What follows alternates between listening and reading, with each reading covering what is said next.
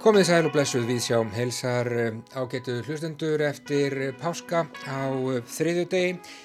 Spurningar og vantarlega svör fyrir framtíðina í mynduð heimsókn í frekar frækt hús. Rotturnar bókfull af smitt sjúkdómum og auðvitað ljóð fyrir þjóð í viðsjá í dag. Við erum meðal annars í dag að fara í ímyndað ferðalag upp á Gljúfrastein og Ganga í huganum að minnstakosti um hús Skáldsins Haldórs Lagsnes. Eh, þar eru eins og flestir vita margir mjög fagrir listmunir sem eh, ákvæmlega gaman er að skoða auk þess sem já, fallegur heimilisbragur hefur varðveist í þessu húsi og tíminn auðvitað numið þar staðar. Gljúfrasteitn í þrývít er nokkuð sem að safnið býður upp á þessar vikurnar en eh, auðvitað er það gert í tilefni af samkomu banni. Það er fólki bóðið í heimsók og getur skoðað húsakynni skálsins og fjölskyldu hans að vild og auðvitað virt fyrir sér málverk, bækur, klukkur, flíl og margt fleira. Við ætlum að ræða við sapstjóran Guðnýju Dóru Gestóttur í viðsjá hér rétt á eftir. Ágúst Ólafur Georgsson, þjóðháttafræðingur og starfsmæður þjóðminnasaps Íslands verður tekinn tali um spurningalista. Spurningaskrá 128 lífið á tímum koronavirunar sem að sapnið er að senda frá sér þessa dagana og byður sem flesta um að taka þátt í að svara. Það er hægt að fara inn á vefsíðuna sarpur.is og eh, senda inn svör. Bókvíkunar á ráseitt að þessu sinni er skáltsagan Rotturnar eftir Ragnheiði Eyjólstóttur. Um er að ræða spennusögu, eh, ungmennabók á mörgum vísinda skálskapar, bók sem að koma út árið 2018 og var þá tilnæmt til Íslensku bókmættavelunana í flokki barna og ungmennabóka. Og já, þar koma smitt sjúkdómar við sögu við heyrum í Ragnheiði í Víðsjá í dag. Og við heyrum líka að venju ljóð fyrir þjóð, það er Þröstur Leo Gunnarsson, leikari sem að lesi í dag á stóra sviði þjóðlikúsins. Eitt ljóð fyrir einn gest í salnum, ljóð dagsins, er ljóðið til barna eftir Efurún Snorradóttur. En við byrjum í dag á stuttu ferðalagi í huganum. Brekkukótt Sannál, 16. kapitúli gestur og eftirlitsmaður. Maðurinn sem átti pungana tvo eins og Rönnlúr Jónsson nefndi hann, kommandörinn á bæjarstofnunni eins og Kaftæn Hógensen sagði, þar að segja eftirlitsmaður bæjarins sem ég held að væri, hann var sá okkar kumpána sem engum príti samkvæmið með fjárveru sinni.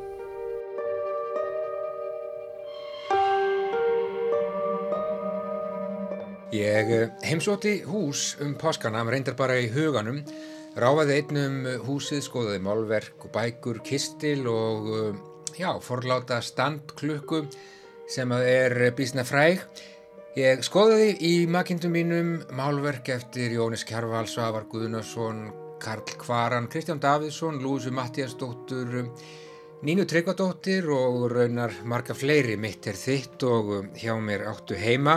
Vist skaltu öllum veraldar sorgum gleima þannig hvað Ólafur Kárasson ljósvikingur í heimsljósi skálsögunni eftir Haldur Lagsnes. Og já, ég var stattur í huganum í húsi skálsins Gljúrasteini. Ég hafði verið sambílismadur hans frá því ég fættist. En þetta sumar uppgötvaði ég hann, loksins, fyrir bláskjæra tilviljun. Þannig var það maður.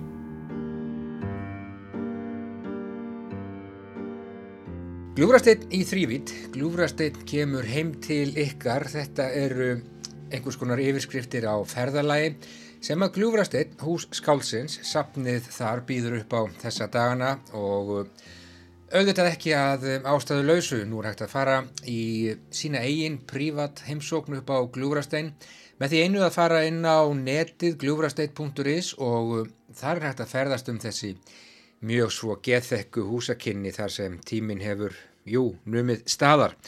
Og já, það er margt að sjá ef maður gefur sér tíma og ef það er eitthvað sem margir hafa nóg af þessa dagana þá er það tími.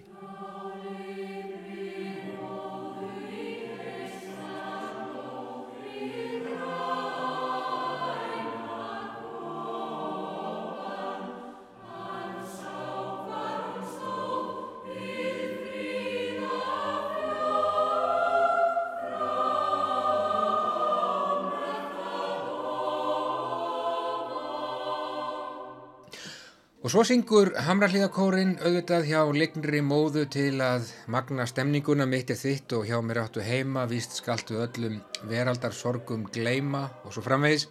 Hvæðið sem að Ólafur Kárasson hripaði á bréfsnepil að kvöldlægi og stakði síðan undir höfðalægi sitt einhver tíman fyrir margt, margt löngu.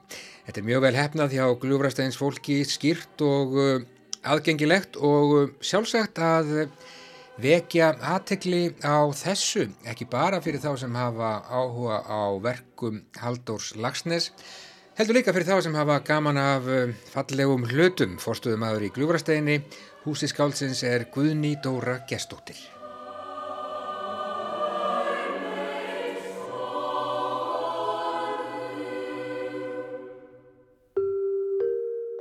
Já, ég komin yngað upp á gljúfrastein eða svona að gljúfrasteini því sem næst. Ég er endar aðeins að, að plata. Ég er ekki komin inn í húsið en ég er undarlega nálægt staðnum eigið síður. Guðni Dóra Gestóttir, þú ert sapstjóri eh, á gljúfrasteini. Ég hlýt nú bara að spyrja þig fyrst, eh, já hvað gera sapstjórar eh, í miðju samkomiðbanni? Þeir bara halda fram að vinna. Margir eru heima, vinnað heimann. Það eru komnar ótrúlegar heimaskrifstofur út um allan bæ, allar koppagrundir. Svo skiptust við á starfsfólki að fara upp yfir og fylgjast með húsinu þannig að það er einn í húsinu í einu Já. og engi gestir en mikið af gestum uh, að, á göngu í kringum húsið og upp, helg, upp að helgufósu og meðfram kvöldukvísl. Fallegt þar. Ég skemmti mér við það um páskahelgin að skoða já, síðu sem er á ykkar vegum og já, er bara undir yfirskriftinni Glúfrasteitin í þrývít myndi ég halda og þið er það að hleypa E, gestum heima fyrir inn í húsið a, með mjög fallegum hætti, maður spásar bara þarna inn og, og getur skoðað allt þarna sem að fyrir alltaf fínir í sem að þar, þar er að finna og þetta er mjög uh, skemmtilega gert og þetta er auðvitað eitthvað aðferð til þess að halda, halda safninu opnu. Já, þetta er, þetta er svona kannski ekkit einstæmi hjá okkur en hérna við ákvaðum eins og önnur safna að svona sinna okkar hlutverki sem er að miðla og, og koma til gestana, við getum ekki fengið gesti inn í húsið, við saknum þeirra náttúrulega mjög mikið, mm -hmm. en þess vegna ákvaðum við að, að e, fá góðan ljósmyndara sem að tók myndir af gljúrasteini í þrývít, ja. þannig að hvort sem að fólks um, býr í Vesturbænum í Reykjavík eða á Akureyri eða hvað sem er og við erum náttúrulega öll meira og minna heima núna þannig að okkur fannst það skemmtilegt að geta hérna, miðla þessu til Já. fólks og, og lefti að, að ganga um safnið svona í netheimum. Einstaklega vel hefnað og uh, auðvitað hafa margir komið á gljúfrastegin en það eru kannski ekki allir sem að átta sig á, já, allir þeirri fegur sem það er að finna. Það er ekki bara svona heimilis, heimilisfegur og hóvær að mörguleiti heldur er þarna svo mikið af listaförkum sem maður getur uh, staðið fyrir framann og dástað lengi eftir Svavar Guðnarsson, Jónis Kjarval, Karl Kvaran, Lúsi Mattías Dóttur og svo framvegis og svo framvegis. Já og það er nefnilega, sko, safnið á Glúrastinni er náttúrulega þetta heimili Haldur Slagsnes og, og hans fjölskyldu en þetta er líka svona lítið listasafn, það er svona ótrúlegt eh, safnfallar að verka og, og svona með þessum hætti þá getur fólk skoða þessa myndir mjög vel og ég kannski verða eiginlega að taka það fram að, að allt þetta efni sem er þarna inni er höfundavarið og það er, við hefum gert samning við myndstef sem að söfn eru svona ganga frá núna þessa dagana um byrtingu á, á listaverkum og uh, bæði í sarpi og heimasíðum safnana og, og hjá glurástinni þannig að fólk getur svona lift sér aðeins að, að þýsja inn og skoða nálagt kannski nær heldur en það gæti og getur þegar það kemur gangandi. En það náttúrulega finnur ekki þú veist ekki þennan sama anda eins og vera í holdi og blóði í húsinu. Nei, ég sjálfsögðu ekki. Það var eins og að reyka augun í vördu sem stendur á hól fyrir sunnan bæinn. Hún er alltaf staðið þarna. Og þess vegna tegur maður ekki eftir henni.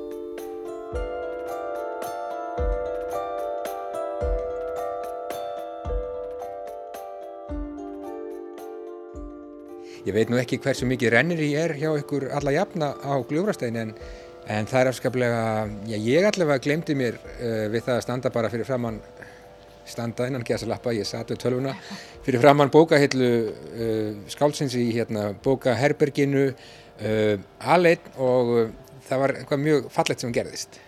Já, ég er nefnilega eiginlega verið að viðkjöna, ég átta mikið alveg á því hversu mikil gæði voru á þessari myndatöku, þannig að Þau eru mjög fín. Þau eru mjög fín og ef þú stendur fyrir fram á bókahillu þá getur þú séð heiti titlana til dæmis. Svona rétt Já. nærri því. Já. Næstu því og svona ef þú þekkir kjölinn þá, Já, þá svona, já, það, þetta er svona skemmtileg leið og, og við sjáum það að umferðin um síðuna, Mhm. hún er mjög mikil og þetta virðist hafa svona glatt einhverja í, í hérna, samkomi banninu. Þannig að fólk mætir. innan Fólk mætir og við, svo sem er, ég er ekki með tölur um svona hvaðan fólk er að koma en, en ég ímynda mér og ég mynda þetta er aðgengilegt, alls það er að. Já. Svo geta menn heyrt uh, Hamralíðakórin syngja hjá lignri móðu rétt á meðan þeir uh, valsa frjálsir um húsið, mitt er þitt og hjá mér áttu heima, víst skaltu öllum veraldar sorgum gleyma og svo framvegs.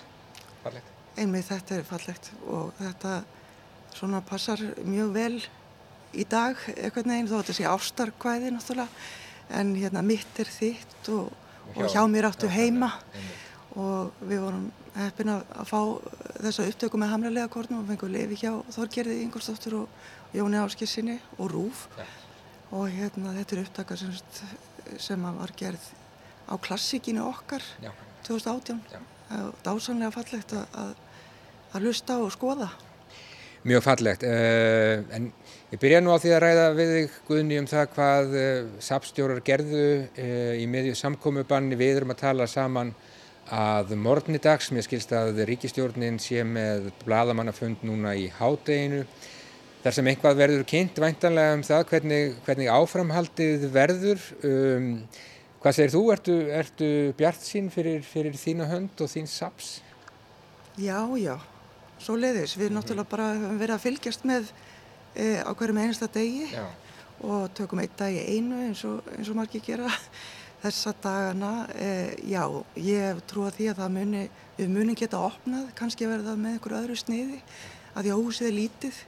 En ég bara, já, það kemur að því að við getum opnað. Við hefum líka verið að hugsa ímsar aðra leiðir, uh, til dæmis á sumrinu hefur við verið með stofutónleika Já. og vorum að koma langt með að skipulöki þá og jáfnvel, eh, við höfum verið á svona veldafengum yfir því ef ekki, við getum streymt frá einum, tveimur tónleikum ef að, ef að, ef að þetta verður svona í sumar en ég held að við verðum eitthvað einn að reyna að, að nota skapandi leðir og láta okkur detta ímislegt niður til hug og gera hluti með öðrum hætti en, en tíðkast yfir en þetta, þetta þess, það kemur vor og sumar Þú segir það. já, já, algjörlega Hjá okkur í brekkukoti voru forvitni og stelvísi laðar að jöfnum. En nú, þegar allir aðiljar þessara mála eru farnir annað og sá heimur liðin undir lok og ég er einn eftir, þá stíga andar upp úr glaðkistunni.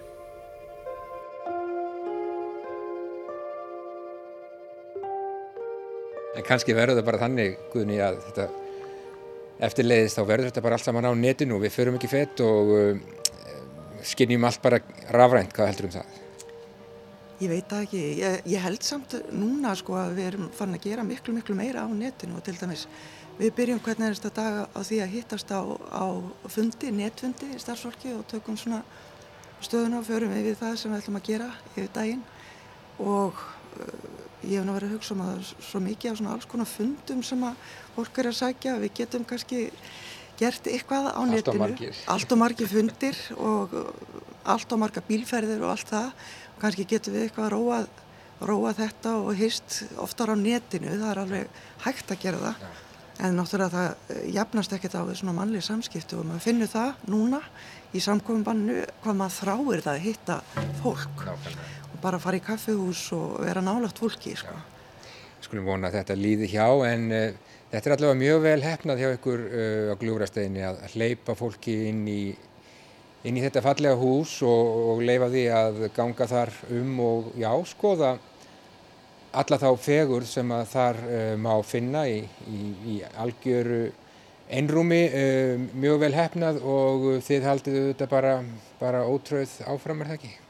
Jú, jú, auðvitað. Við reynum að bara sinnum okkar verkefnum eins og, eins og kostur er. Við erum ekki í skráningum og svona en, en við erum alveg tilbúin að opna allartir þegar, þegar leifi fæst til þess. Og þið eruð alltaf að, að, að svona, hvað ég segja, ég veit að þið eru alltaf að vinna því að að bæta safnið, þá er ekki tala um að bæta við heimilismunum eða neinu slíku heldur að já, færa þetta safn nær fólki og, og fá fólk til þess að koma í safnið. Já, já, það er í raun og veru alveg stöðugt verkefni og náttúrulega að vekja aðtikla á verkum skáldsins og uh, starfi hans og, og þessu húsi og þessu dásanlega umhverfi.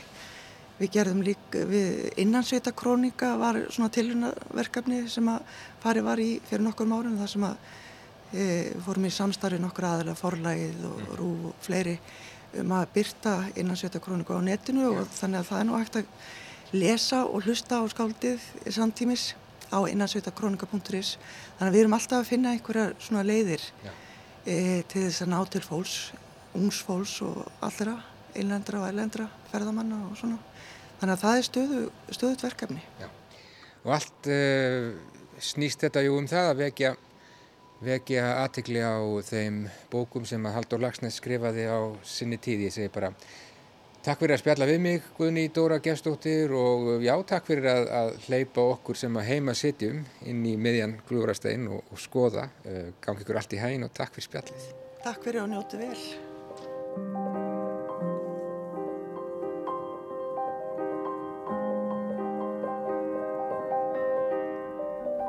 Er þar skemstrá að segja að ég hafði aldrei áður komið í stað þar sem manni fannst hægt að spegla sig, ekki aðeins í loftinu og veggjónum, heldur líki gólfinu.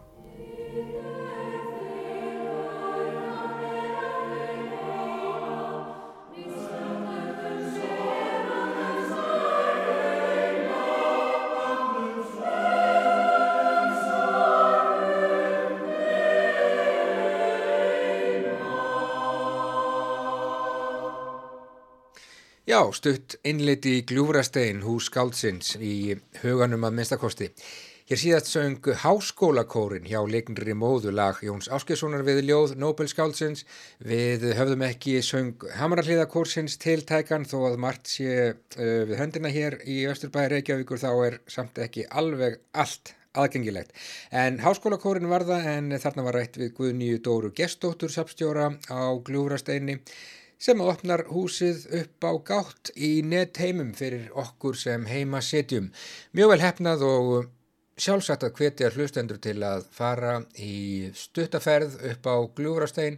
Gljúfrastein komin í þrývít slóðin gljúfrastein.is. En bókvíkunar hér á ráseitt að þessu sinni er bók sem að nefnist Rotturnar eftir Ragnæði Eyjálsdóttur. Þetta er bók sem að koma út fyrir tveimur árum og var þá tilnæmt til Íslensku bókmyndavelunina í flokki barna og ungmennabóka. Það er á ferðinni spennussaga á jæðri vísindaskálskapar fyrir ungmenni á öllum aldri. Kristján Guðjónsson átti spjall við Ragnheiði um þessa bók í Víðsjá í fyrra en þá sló hann á þráðin til München í Þýskalandi. Við skulum grípa niður í þetta spjall. Hún fætti um fjögur ungmenni sem eru sendt út á land um, og hafa nú kannski ekki endilega verið að sækast eftir því í hérna sömarveinu og svo kemur ljósa hérna það er engin tilvílin að, að þau hafa verið valin í þetta. Og þau semst enda sem hálfgerðar tilraunaróttur í, í svona leinilegu leinilegu tilraunastöð út á landi. Og þannig er ég að fjalla rosa mikið um, um söguna um, um smittsjúkdóm og svolítið. Það að skrifa fantasíu þá náttúrulega hefur maður þá ræðum maður miklu meira hvernig heimurinn er, hvernig, hvernig allt hérna fer fram, um, alls konar verur og svolítið sem þú getur búið til eða, eða notað úr gamlum sögum eða eitthvað svolítið en, en þegar þú ætlar að skrifa um, kannski meiri svona raunveruleika sögu þá er allt svolítið niður njörfað uh, og það skiptir mér svolítið miklu máli þó að þetta sé í rauninni náttúrulega uh, vísundarskálsagu að eða allt sem kemur fram í bókinni er, er tækni sem er til í dag. Þannig að, að, hérna, að hún er í rauninni ekki það, hún er, er ekki endilega framtíðasaga. Að það væri svolítið, um, langar svolítið að skrifa þannig að lesandin gæti sér fyrir sér að þetta gæti verið að gerast. Akkurat núna. Ég lær rosalega mikið sem bann, alveg virkilega mikið og hérna en svo bara því byrjaði mentarskólu og þá kannski svona svolítið hætti að lesa mér til um, til Indisjöka og fór bara að lesa skólabækur og svo les og það var eiginlega ekkert fyrir kannski svona upp úr um, frá því ég var svona þrítug að ég fór að lesa aftur svona virkilega mér til, til skemmtunar. Og þá einhvern veginn dætt ég svolítið mitt inn í þetta og fantasíur og en náttúrulega les í rauninni allan fjandan en þarna langaði mér ósala að að skrifa spennusögu sem væri byggð á hérna, ég fekk svona virkilega áhuga á smítsjúkdóm og svo, svo las mér rosalega mikið til um það og ákvaða hérna að ég reyni búið til spennusögu úr því sem ég var búin að vera að lesa. Það var rosalega mikil heimild að vinna á bakvið bókina. Uh, tók hérna góð viðtöl við fólk sem að bæði vinnur á smítsjúkmadel landsbítalans og sem á hérna yfir smítsjúkdómalekni og svoleiðs þannig að hérna ég fekk ofsalega mikið af, af góðum upplýsingum frá fagfólki og ásamt því að það var alveg rosalega mikil heimild að vinna sem fór, hérna, vinna sem fór í að skoða heimildir á, á svona sögulegum atbyrðum á Íslandi varðandi svartadöða sem að hérna er svo náttúrulega vikið að í þessu öllu saman. Já, þannig að þú, þú tókst það mjög alvarlega að þetta væri vísindaskáltæga, að, þetta ætti alltaf að vera raunverulegt einhvern veginn. Já, svona náttúrulega innan ykkur að marka maður þannig að geta séð eitthvað fyrir sig sjálfur en, en hérna, já, það skiptir mjög miklu máli þegar ég var að skrifa. Mitt að þetta ætti að geta gengið upp sko. Um, þessi já, flokkun í ungmennabækur og, og fullorðins uh, þessi bók emitt er ég fór á bókasafni og náði þennan og, og hún er þar í ungmennarekkanum um, þú mhm. segir að viðbröðin séu aðalega frá fullorðinu fólki skiptir, skiptir þessi flokkun einhverju máli? Uh, hún skiptir mjög ekki máli en það er náttúrulega fylgir kannski svona ákveðnir um, fordumar því að lesa ungmennabækur þó maður sé komin á okkur aldur. Um, en það breytir því samt ekki að, að til dæmis lang, stærsti hluti þeirra sem lesa uh, vísindaskálsugur og, og hérna já og fantasjur allavega nú út í heimi eru, eru bara fólk á miðjum aldrei en það er svona svolítið kannski litið niður á þessa grein bókmæntana Hildisif starði á skjannakvítardirnar sem lokuðist hljóðlega á eftir bláklætri verunni sem hafi rétt áður næri blindað hana með því að lýsa sterkur ljósi beint í augun á henni. Hvar er ég? Í gegnum dúndrandi höfuverkin og alltum líkjandi vanlíðununa laust þærri hugmyndin er í huga hennar að hún var í dáin að því hún gati ekki með nokkru mótur heift sig. Af hverju líðum við svona illa? Er ég lend í helviti? Fyrsti kapli, einhverjum dögum áður. Hvít fissandi öldurna risu og stiftust yfir svarta vókskorna strandlínuna þar sem hún reys upp úr æðandi Allandshafinu. Hildisif lagði ennið upp að glukkanum og starði niður á eldfjalleginu. Það var alveg sama hversu oft hún flög með fram strandlenginni, útsinnið var aldrei eins. Þau sískinin voru að flytja aftur til Íslands eftir nokkur ára búsetu í Svíþjóð og Finnlandi. Memmu þeirra hefði nefnilega borist atvinnutilbúð frá mikilsvirtu fyrirtæki á Íslandi sem henni reyndist ómögulegt að hafna. Hildi Sif leið til bræðra sinna þar sem þeir sátu með heyrnatólinn og störðu einbeittir á skjáin sinn, báðir í eigin heimi. Litrík hverköndu veröldin sem Sigurður eitti ótilandi stundum í að raða saman blasti við á skjánum hans En tölvuskjár Alla var fullur af fyrðulegum táknum sem komu og fóru eftir því hvað glugga hann kallaði fram. Hildi sig var laungu hægt að spyrja Alla hvað hann var að bralla. Það hefði sínt sig að best var að vita sem minnst. Ertu búin að sjá hvað landslæði flott? spurði hann og potaði Sigurð. Littli bróður hann að kiftist til og leitt pyrraðar til hennar áður en hann dró annað heyrnatóla að verinu. Hvað? spurði hann ergilegur. Ertu búin að sjá? Það er klikka flott útsinni yfir östfjörðan út um klukkan, sagði hún og benti. Sigurður ránkvóldi í sér augunum. Hildi Sif, mér er alveg sama. Ég hef oft sér landslag áður. Hildi Sif andvarpaði og leið til alla sem hristi höfuðið án þess að líta til hennars. Hildi Sif brosti með sjálfur sér. Þó svo að hirtnatól alla útilókuðu nánast öll umhverfi sljóð, vissi hann samt hvers hún ætlaði að spyrja. Svona hefði samband þeirra tvekja alltaf verið. Það var nánast þess að þau varu tvíburar, þó svo að hann var tveimur árum eldri en hún. Hildi Sif starði á síbreytilegt landslæð fyrir neðan sig í dágóða stund, áður en hún tók tímaritabunkan upp úr sætisvasanum fyrir framann sig.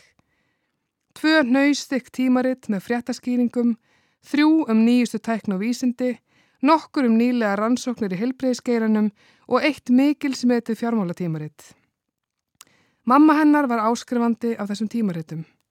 Hildi Sif hafði aðeins glukkað í eitt blaðið en það hafði ekki fangað aðteklennar. Hún kveið því að flytja heim í óvissuna.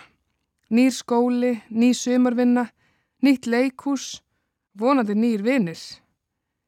Um leið og sætirspeltaljósi kviknaði, greip hún ósálrátt um hönd Sigurðar og brosti til hans. Þú þarft ekki vera hrettur, þetta er allt í lægi, sagði hún og reynda hljóma hugsistandi. Sigurður leitt reyðilega til hennar. Hættu þessu, ég þarf að nota báðar hendur í leiknum. Erstu viss? Já, sleftu mér, sagðan óþólumóður og reyndi að toga höndin aftur til sín. Hikandi slefti Hildisif takinu. Hildisif, viltu halda í mínu hönd? spurði Alli um leið og hann greip þjættingsfast í hennar, þó án þess að líta upp frá tölfunni. Hildisif rétti fegin úr bakinu til að sínast hugrakkar en hún var og kingaði kolli.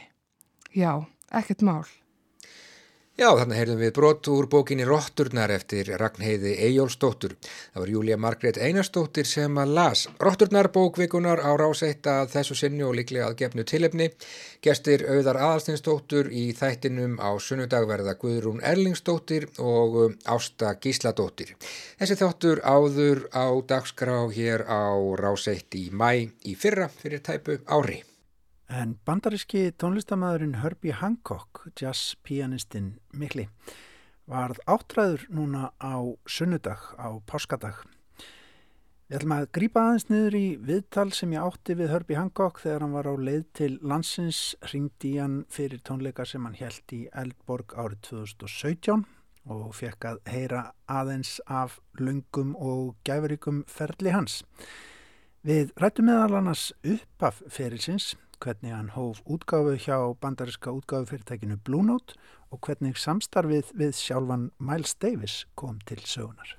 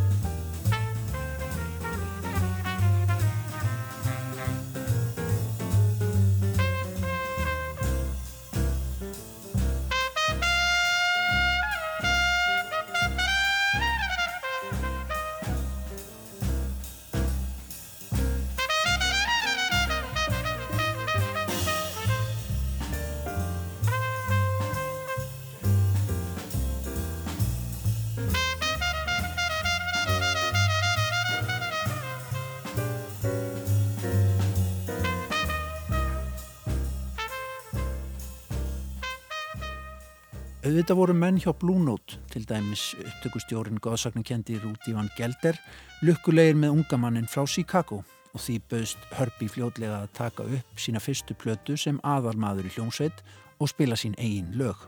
Tröstið var alveg til staðar. Fyrsta platan, Taking Off, er löngu orðin síkild. Fyrsta lagið á plötunni var Watermelon Man sem við heyrðum í upphafið áttar og ekki er slátturinn í þessu lagi, Drifting, mikið síðri, svo dæmis í tekið.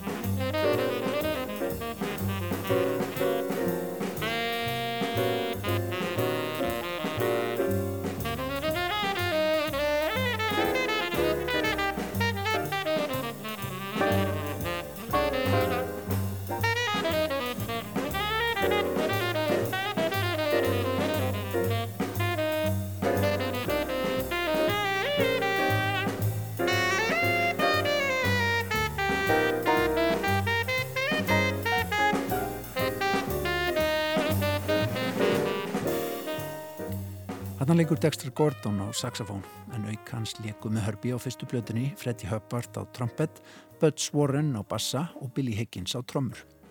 Nafnið á blöðunni er frábært fyrir fyrstu blödu listamanns, Taking Off, flugtak. En ætli hinn 22 ára gamli pianisti hafi alveg verið viss á því hvert hann vildi fara þegar hann hafi tekið á loft. Nei, kannski ekki alveg, segir Herbie.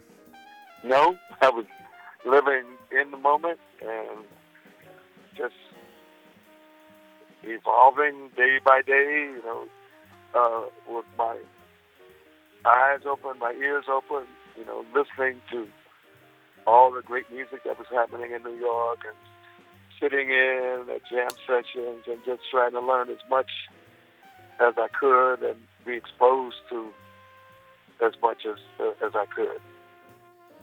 Nei, á þessum árum lifði ég í augnablíkinu og ég leiði mér að þróast dag frá degi í tónlistinni. Ég fylgist vel með, var með augun opinn og eirun.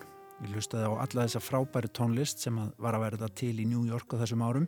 Ég mætti á jam sessionir í borginni og fekk að spila með. Reynda að læra og heyra eins mikið og ég gatt.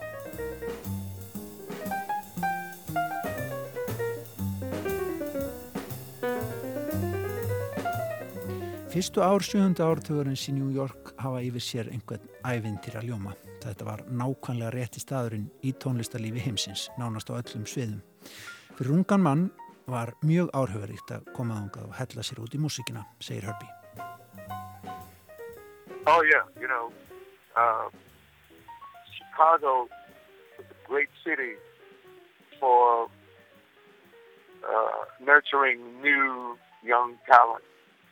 And I mean, it's a great city for all the arts, you know, actually, particularly the visual arts, um, but also a, a, a great training ground for young musicians. And I learned a lot from some of the older Chicago musicians when I was young. And then I went to, to, to the Big Apple. You know, that was the main arena for really hardcore jazz. I lived in New York for, for 11 years. Chicago var og er frábær borg. Hún stuður vel við ungt hæfileika fólk í listum af hvaða tegund sem er Hún er frábær listaborg, ekki síst í myndlist, en það sama átti við um tónlistina. Ég lærði heilmikið af eldri tónlistamönnum í Chicago. Svo fór ég í stóra epplið sem auðvitað var aðal vettvangurinn í jazzinum í þá daga. Ég bjó í 11 ári í New York og vann með Miles Davis í eitthvað um 5,5 á skeið eða svo. Mér bauðst líka að semja kveikmyndatónlist og taka upp mína eigin tónlist fyrir Blue Note. Var reyndar byrjaður á því áður, áður en að Miles fekk mig með sér. Þegar samstarfnuðið Miles laug gæti síðan einbett mér meira að minni tónlist. Til dæmis leikir lög á tónleikum sem ég hafi gefið út en ekki náðu að spila á meðan ég var í hljónsettinni hjá Miles. Það var helst þegar hann mætti syngt á svið, slefti kannski fyrsta tónleikasettinu að ég gæti spilað mín lög með hljónsettinni á tónleikum.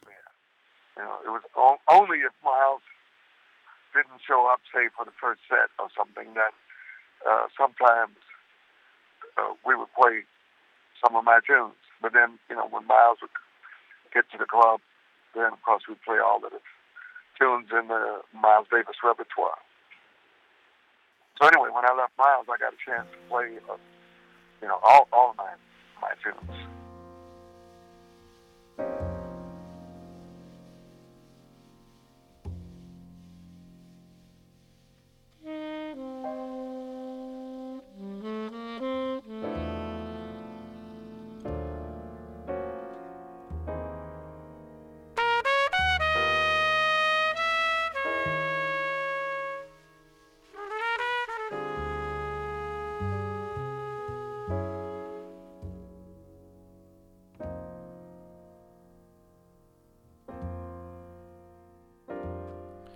Og þarna leikur Herbie Hancock með Miles Davis og hljómsveit. Þetta var viðtalið sem við áttum á ráseitt í þættinum Tengivagninum við Herbie Hancock árið 2017 þegar hann var á leið til landsins til tónleikahalds. En við lifum á sögulegum tímum hlustundu góðir eins og marg, marg oft hefur komið fram síðustu dag og það vita allir þeir sem að huga að heimildasöfnun fyrir framtíðina auðvitað. Við hér á Rás 1 bjóðum almenningi að senda en frásagnir úr kófinu eins og við kallum það og erum meirinn lítið til í að heyra til dæmis hljóðbrot frá ykkur ef það er hægt. Á fórsíðu rúf.is er að finna napp vinstramægin ef aðeins er farið nýður á síðunni og þar stendur sögur úr kófinu. Og þar er þetta að finna leiðbynningar um hvernig má koma slíku efni til skila. Við herðum líka um daginn að Landsbókarsafn Íslands hefur hafið álíka söfnun og jú sjálft þjóðminnarsafn Íslands er komið í gýrin farið að senda út spurningalista um ástandið sem að líka er hægt að svara inn á vefsíðunni sarpur.is. Ágúst Ólafur Georgsson er þjóðháttafræðingur og starfsmæður þjóðminnarsafns Íslands. Hann veit allt um þessa spurningalista hefðsafsins. Ágúst Ólafur hugar að heimildum fyrir komandi framtíð og segir nöðsynlegt að sapna vel heimildum um þessa sérstöku daga sem við lifum nú. Við slóum á þráðin til hans. Og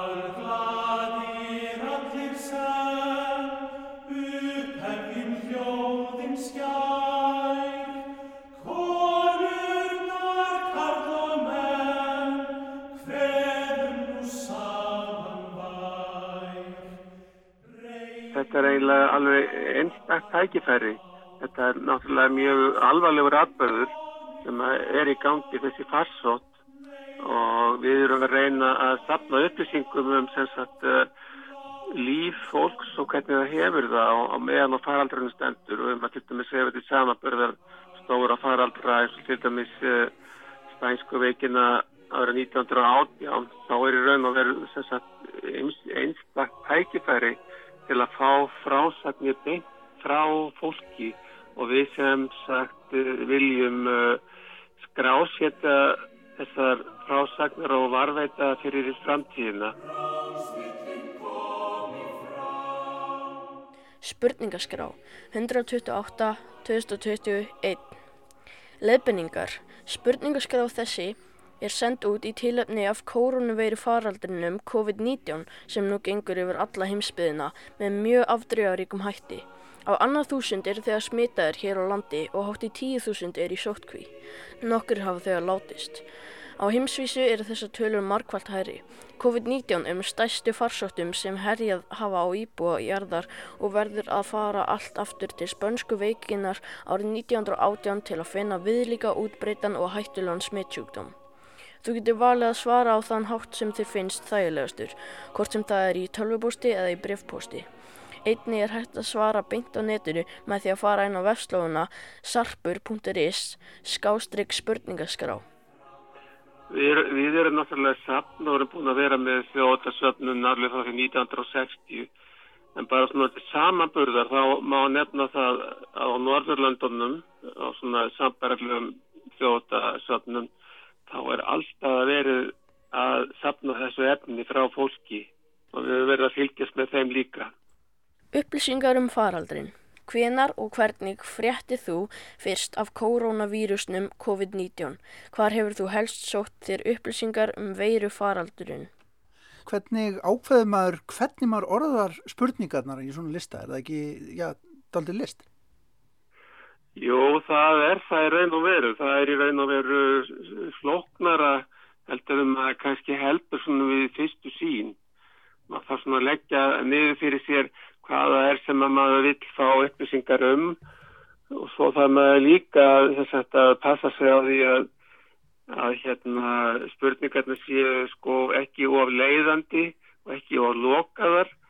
Og hveti fólk til að svara og maður sé ekki að spyrja um sömu atriðin aftur og aftur og líka það að hérna, við séum ekki að spyrja um atrið sem aðrir eru sko að skrásétta eða, eða gera svona gallupkannanir um og slíkt sko. Við erum alveg að leita eftir eigin frásögnum fólks um hvernig það er að upplifa þetta ástand og lifa á þessum tímum. Það er svona það sem við umgum út frá samskipti og engalíf. Þarf þú að vera heima vegna þess að þú ert í sótkví, skólinn lokaður, vinnustörðin lokaður eða hálflokaður eða af öðrum ástæðum. Hvað gerir þú helst á daginn ef svo er?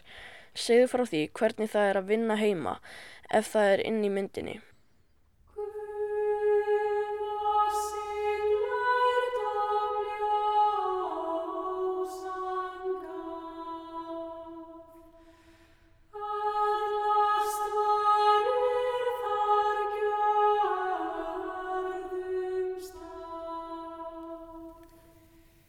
Kvöld, góðir áheyrendur. Í hungurvöku segir að Teitur, sonur Kettilbjarnar gamla, væri sá gæfu maður, að hann byggðið þann bæ fyrstur er í skálaholti heitir, er nú er all göfugastur bær á öllu Íslandi. Þegar þetta er ritað rétt eftir 1200 var skálholt þegar orðið andlegur höfðustadur Íslands og átti þá eftir að verða það margar aldir eða fram um 1800 þegar biskup fluttist þaðan og skálholtskirkja hætti að vera domkirkja. Skálholt hvarf í hinn mikla fjölda vennilegra bændabíla og þar var ekki meira um að vera eða miklu meira að sjá en á hverjum öðrum bondabæ hver sem var á landinu. Og fór svo fram í hálfa aðra öld eins og nú er aftur að verða aldakvörf í sögu þessa allgöðuðasta bæja.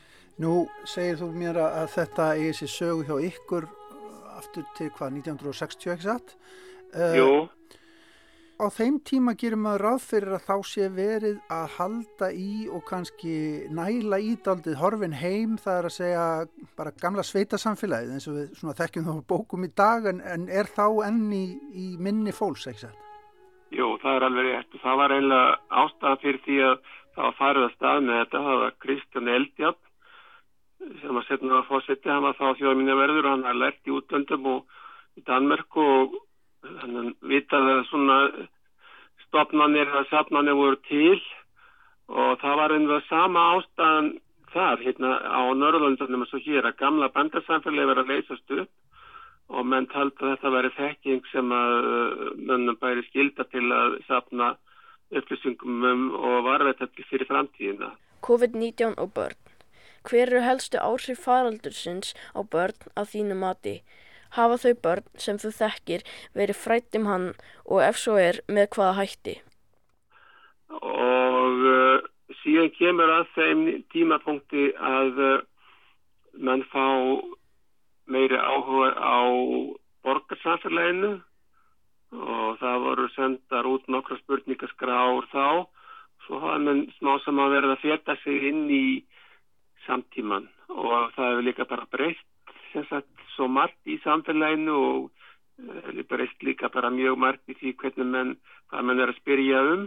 Við til dæmis hefum verið að alla upplýsinga um aðriði eins og til dæmis hvernig er að vera gamall og og hérna um sundlega menningu og hérna um gæludýr og samkynneið og svona eitt og annað. Manni finnst stundum eins og hlutinni gangi hægt og, og, og breytingar gerist hægt en það gerast hratt, ekki satt? Ég held að það gerist hraðar en maður heldur.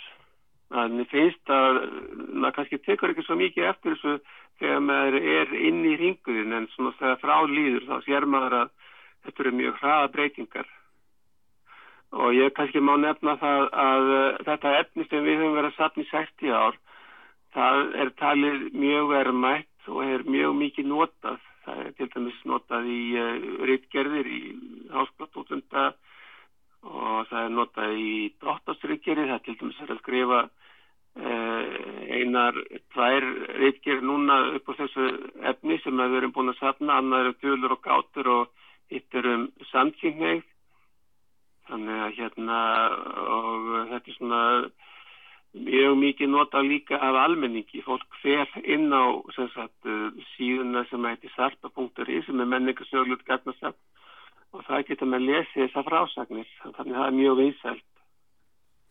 En það lág alveg augum uppi það er ástæða fyrir því að farið af stað núna til þess að bregðast við þessu ástandi og En er, er fólk viljugt?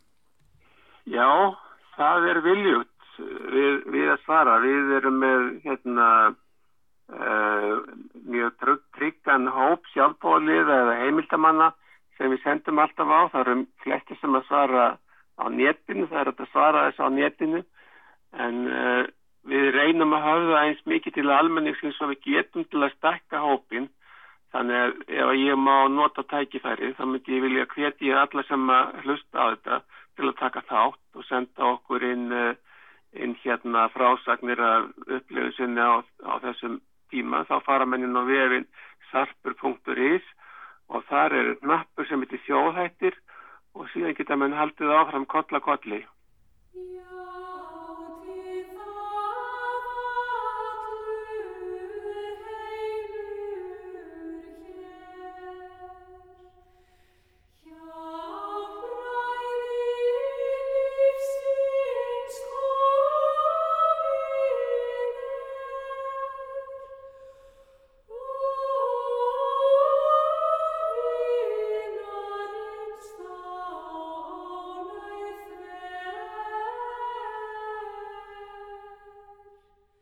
Hvaða breytingar á siðum, vanabundinni hegðun eða íslensku þjóðlífi geti faraldurinn hugsanlega haft í för með sér. Ser þú eitthvað jákvæft eða neikvæft í spilunum og þá hvað ef svo er?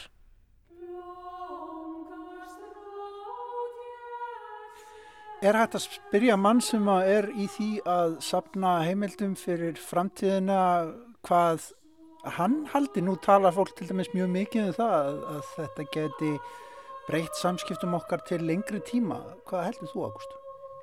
Ég er ekki vissum það. Ég hef samt verið að hugsa um það hvort þetta hugsanlega geti haft áhrifu á útfærasiði. Við erum svona þekkt fyrir það að Íslandingar að vera svolítið glöði að halda stóra hérna, erfiðryggjur og dýrar en núna eru menn þess að halda einlega bara svona fjölskyldu útfærir eins og maður veit að er viða í nákvæmlandunum þannig að svona er að spyrja sig að því hvort að það hugsanlega gæti allt eitthvað að segja. En ég held að sé mjög erfitt að spá um það hvaða uh, breytingar þetta hefur í förmisi það er til dæmis eins og þetta að taka í hendi. Ég held að það sé eitthvað sem að menn sé ekkit að gefa frá sér sko þegar allt um garg gengið. En annars veit maður aldrei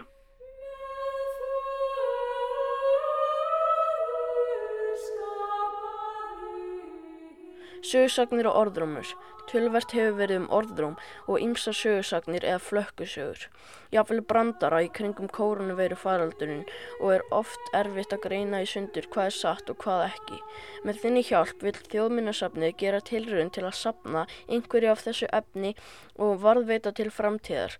Segðu frá því sem þér er kunnugt um í þessu sambandi og hvernig þér hafa borist upplýsingar um það.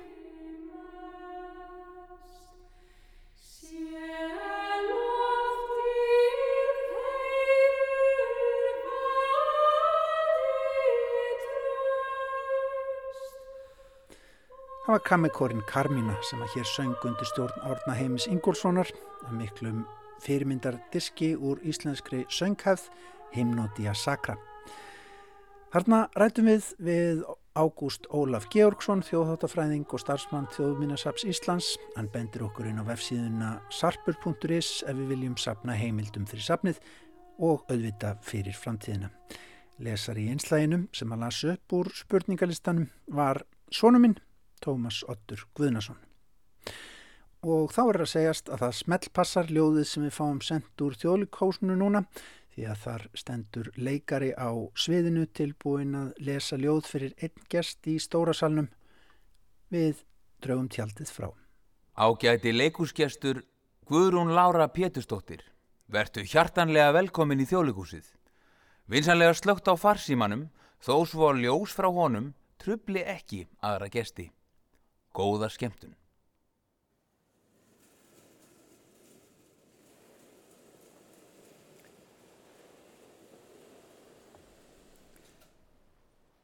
Til barna eftir Efurún Snorradóttur.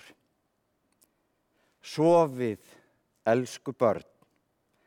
Takið útkvíld á móti fyrstu vonbriðunum. Þau sem eru vindkviður svífa yfir líða hjá og eru um leið alltaf yfirvofandi. Farið ekki á mis við sársaukan, varist það að deyf ykkur og tæta, ger ykkur ónæm og aftengt því að lifa. Þegar lífið ber ykkur ofurliði, grátið. Reyði og brjálæði eru ægi fagurt landslag. Megi það sjást innan um sólbjartar hlýðar. Leifið ykkur að vera í deyfð og drunga eins og fjöllin og skamdegið sjálft. Munið að helstu ríkidæmin eru óáþreifanleg og handan tímamælinga. Lífið færir ykkur áföll. Þær þungu krásir eru gáturnar úr djúpinu sem fella ykkur. En munið að standa keik upp aftur og ney ykkur fyrir myrkrinu.